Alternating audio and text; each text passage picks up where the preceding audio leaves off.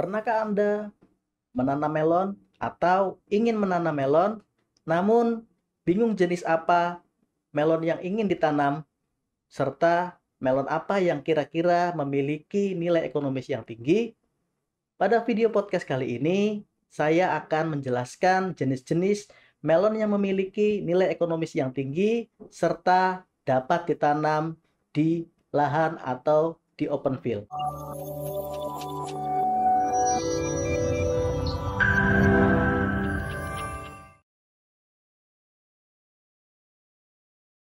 Halo, selamat datang di channel YouTube kami, NPK Mutiara TV. Di channel ini, Anda akan mendapatkan informasi dan edukasi seputar pertanian, khususnya nutrisi tanaman. Tonton video-video kami, jangan lupa like video kami, subscribe, dan pentung tanda loncengnya untuk terus mendapat update dari kami. Halo sahabat Mutiara, jumpa lagi dengan saya Denny Purwanto. Saya adalah agronomis untuk wilayah Banyumas, Banjarnegara, Purbalingga, Wonosobo, dan Temanggung. Sahabat Mutiara, di video podcast kali ini saya ingin menjelaskan cara budidaya melon premium di lahan atau atau open field. Bagaimana cara budidayanya serta bagaimana cara menghasilkan hasil melon yang tepat Ayo kita saksikan sama-sama presentasi berikut.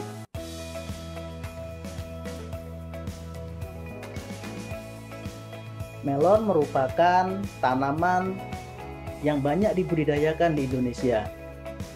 Melon juga banyak digemari oleh ibu rumah tangga, dewasa, anak-anak, serta remaja.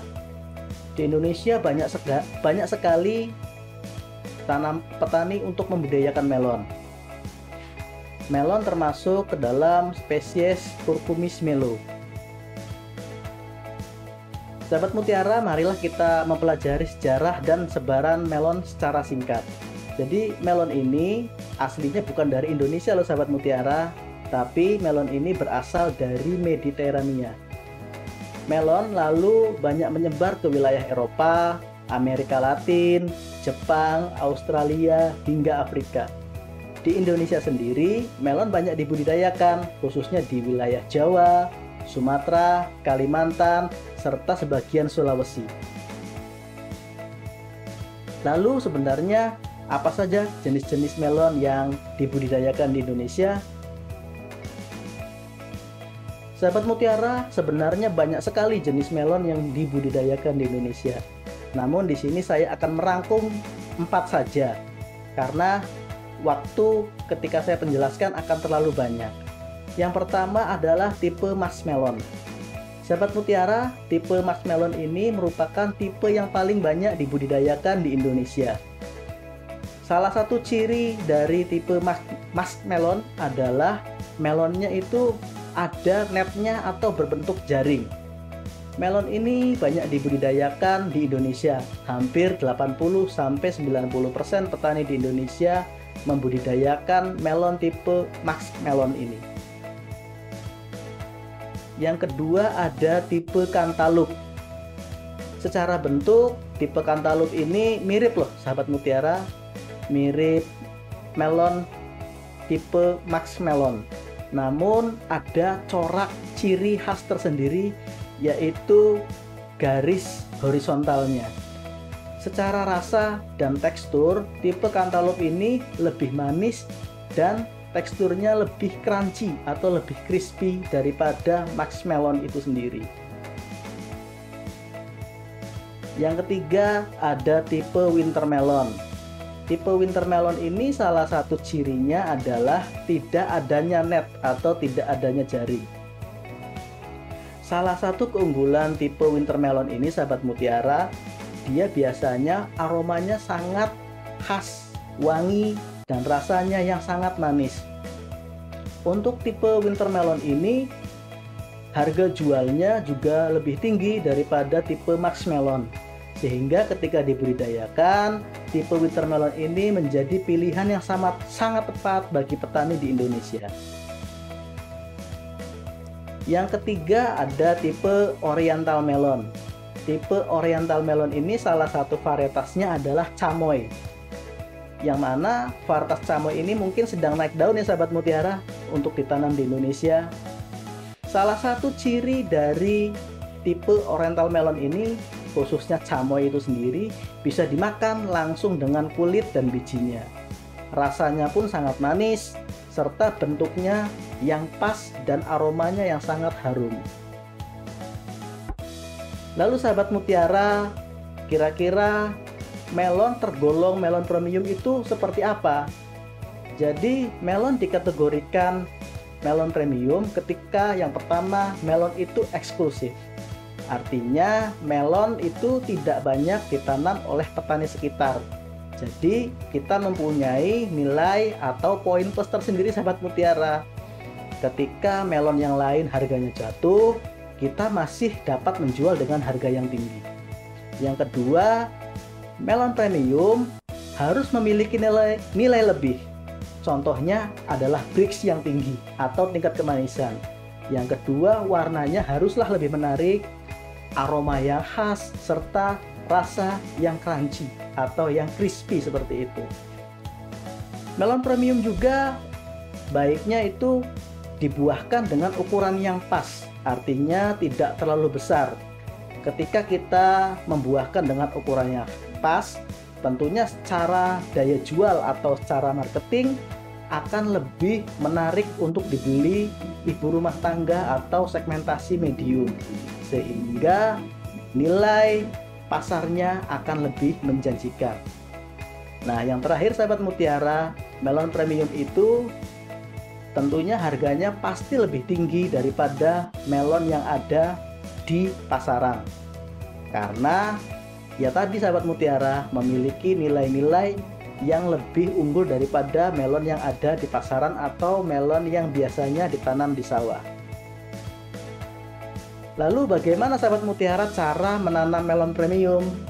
Yang pertama, ketika kita ingin menanam melon premium, kita bisa menanamnya secara hidroponik atau di greenhouse.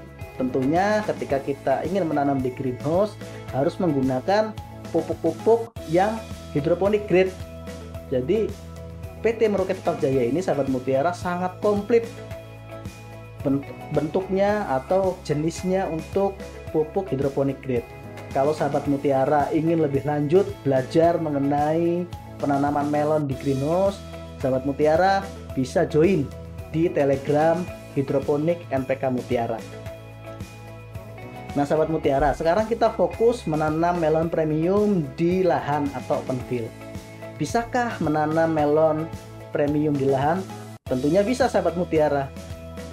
Meskipun kita memerlukan perlakuan yang lebih ekstra daripada menanam melon biasa. Seperti itu, sahabat mutiara. Lalu, apa kekurangan dari melon premium itu sendiri, sahabat mutiara? Melon premium umumnya secara genetik dia bersifat manis sahabat mutiara. Tapi sifat manis itu biasanya dia bertolak belakang dengan ketahanan terhadap virus. Jadi semakin dia sifatnya manis, semakin dia rentan serangan virus. Sehingga preventif kita harus siap ketika menanam melon premium di lahan. Nah, faktor yang harus diperhatikan dalam budidaya melon tadi seperti seperti sudah saya jelaskan sahabat mutiara bahwa melon premium itu ada kalanya kita buahkan tidak terlalu besar. Jadi ketika tidak terlalu besar kita bisa membuahkannya pada ruas ke 9, 10, 11, 12 untuk tipe atau varietas melon oriental.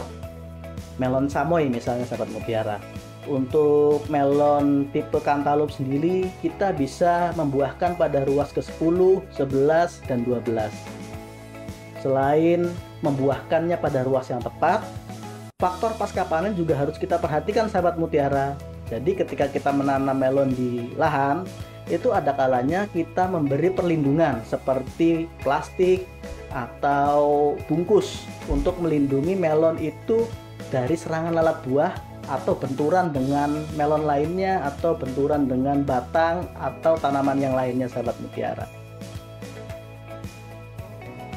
Ketika melon premium yang ditanam di open field pemupukan itu tepat, tepat maka hasil yang dihasilkan juga akan sangat memuaskan. Dari warna tidak kalah dengan melon yang ditanam di greenhouse. Dari bentuk net serta dari mulus, tingkat kemulusan itu tidak kalah dengan penanaman yang ada di greenhouse. Namun ketika pemupukan tidak tepat, tentunya melon akan banyak cacatnya atau tidak lulus. Jadi faktor utama atau faktor kendala utama pemupukan yang tidak tepat adalah pecahnya buah melon. Faktor pecahnya buah melon ini penyebab yang pertama adalah pemberian pemupukan N-amonium berlebihan serta kekurangan pemupukan kalsium. Ketika melon itu pecah, maka bakteri atau jamur akan mudah masuk sahabat mutiara sehingga buah melon tersebut akan menjadi busuk dan tidak laku di pasaran. Pembeli, pemberian N-amonium berlebihan juga dapat menyebabkan daya simpan melon tidak kuat, sehingga melon jadi cepat busuk serta tidak laku di pasaran. Perlu sahabat mutiara ketahui bahwa untuk mencegah defisiensi kalsium, kita dianjurkan untuk memberikan pupuk karate plus boroni Karate plus boroni mengandung nitrat 15,5%, kalsium 26%, serta boron 0,3%. Yang perlu digarisbawahi bahwa kalsium karate plus boroni ini larut air. Seperti kita ketahui sahabat mutiara bahwa kalsium itu bersifat diam atau immobile. Dia itu sangat susah naik ke tanaman sehingga kita membutuhkan pupuk yang larut air dan aplikasi yang konstan. Lalu bagaimana cara meningkatkan kualitas tanaman melon itu sendiri agar bisa manis? Kita dapat mengoptimalkan Brix melon atau tingkat kemanisan dengan pengaplikasian kalium non-klor. Sumber kalium dipilih dari kalium sulfat atau K2SO4. Jadi sahabat mutiara perlu diketahui ketika sahabat mutiara mengaplikasikan kalium klor memang itu akan menjadikan melon menjadi besar namun kita tahu kalau sifat klor itu higroskopis dan membawa air. Jadi melon memang besar tapi dia menjadi sukulen dan mengandung banyak air sehingga rasa melon menjadi hambar dan tidak manis. Sahabat Mutiara juga bisa lihat di video podcast yang ada di channel NPK Mutiara TV tentang trik bagaimana cara memaniskan melon. Nah, ini adalah pemupukan tepat melon premium. Ketika fase vegetatif, kita dapat mengaplikasikan NPK Mutiara 1616 dengan Karate Plus Bromine. Kita dapat mengaplikasikan foliarnya MKP atau MAGS. Ketika menjelang fase generatif, ciri fase generatif adalah munculnya bunga sahabat mutiara. Kita mengganti NPK Mutiara dengan grower tentunya tetap dengan karate plus boroni. Untuk meningkatkan rasa manis, tadi saya sudah menjelaskan bahwa perlunya pengaplikasian kalium non klor. Aplikasi kalium dapat di, dapat terdapat pada pupuk Merauke SOP atau Profit Maxi. Sahabat Mutiara, inilah media sosial kami. Jangan lupa like, subscribe, serta pentung loncengnya di channel YouTube NPK Mutiara TV. Sahabat Mutiara juga dapat gabung di Telegram komunitas NPK Mutiara. Jika sahabat Mutiara ingin mengetahui lebih banyak tentang pemupukan tanaman yang lain, serta deskripsi produk dari PT Merauke Tetap Jaya, sahabat Mutiara dapat mengunjungi situs kami di www.npkmutiara.com. Sahabat Mutiara juga dapat like akun Facebook kami di Merauke Tetap Jaya serta follow di akun Instagram Instagram kami Merauke Tetap Jaya. Pada video podcast kali ini dapat kita simpulkan bahwa budidaya tanaman melon premium tidak hanya bisa dibudidayakan di greenhouse, tapi bisa juga dibudidayakan di open field. Tentunya dengan perlakuan yang khusus, salah satunya adalah pemupukan. Untuk meningkatkan kualitas tanaman melon premium seperti warna, aroma, dan rasa, kita dapat mengaplikasikan kalium non-klor seperti Merauke SOP, Profit Maxi, dan Subur Kali. Selain daripada itu, untuk mencegah melon yang retak, pengaplikasian Karate Plus Boroni sangat penting diaplikasikan pada budidaya melon ini. Sahabat Mutiara, jika video podcast kali ini dirasa bermanfaat, silakan bagikan video podcast kali ini di media sosial Sahabat Mutiara sebanyak-banyaknya agar menjadi motivasi kami untuk memproduksi video podcast bermanfaat lainnya. Jangan lupa like video ini, subscribe channel NPK Mutiara TV, dan pentung tanda loncengnya agar sahabat Mutiara tidak ketinggalan video-video bermanfaat selanjutnya. Stay healthy, tetap jaga jarak. Sampai jumpa di video podcast selanjutnya. Salam Mutiara.